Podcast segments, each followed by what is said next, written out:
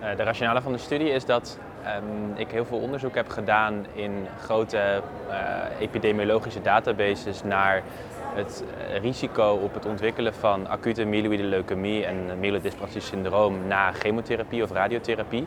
dat is ook heel goed beschreven en wel bekend. Maar wat veel minder bekend is, is of je ook misschien een grotere kans hebt op acute lymfoïde leukemie na chemotherapie of radiotherapie. Dus dat hebben we onderzocht in uh, een grote uh, populatie-based database hier uit Amerika. Om te kijken of er na chemotherapie of radiotherapie voor een eerdere andere tumor, die dus geen ALL was, of je dan een grotere kans hebt op het ontwikkelen van een ja, therapie geassocieerde acute lymfoïde leukemie. Er is een grote Amerikaanse database en die heet de SEER database. En die wordt al sinds 1970 wordt die bijgehouden.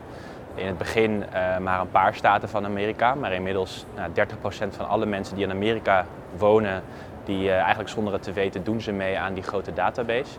En er wordt, net zoals bijvoorbeeld in Nederland we de IKNL hebben, wordt dan bijgehouden wanneer iemand een bepaalde tumor heeft gekregen, wat de overleving daarna was, en wat voor een therapie ze hebben gekregen. En we hebben in die database gekeken uh, van alle 5 miljoen mensen die in de periode van 1970 tot nu een kanker hebben gekregen en daarvoor zijn behandeld met chemotherapie of radiotherapie, wat dan later hun kans was op het ontwikkelen van acute lymfoïde leukemie. En dat hebben we dan vergeleken met mensen die dezelfde type tumoren hadden, maar geen chemotherapie of radiotherapie hebben gekregen.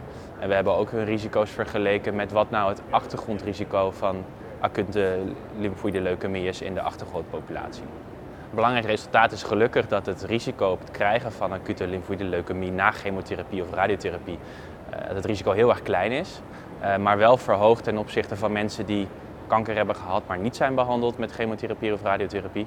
En ook groter dan mensen in de achtergrondpopulatie. En als je kijkt naar mensen met chemotherapie of radiotherapie, dan is het risico twee keer zo groot ten opzichte van mensen die dat niet hebben gehad.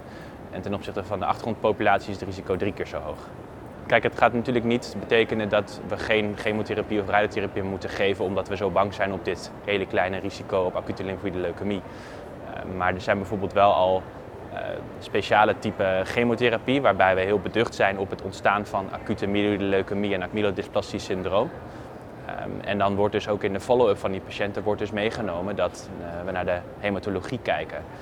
En dat komt voort uit heel lang onderzoek waarvan we precies weten van nou ja, bij zulke soort chemotherapie is het risico op die uh, therapie gerelateerde myeloïde nieuwvormingen erg groot.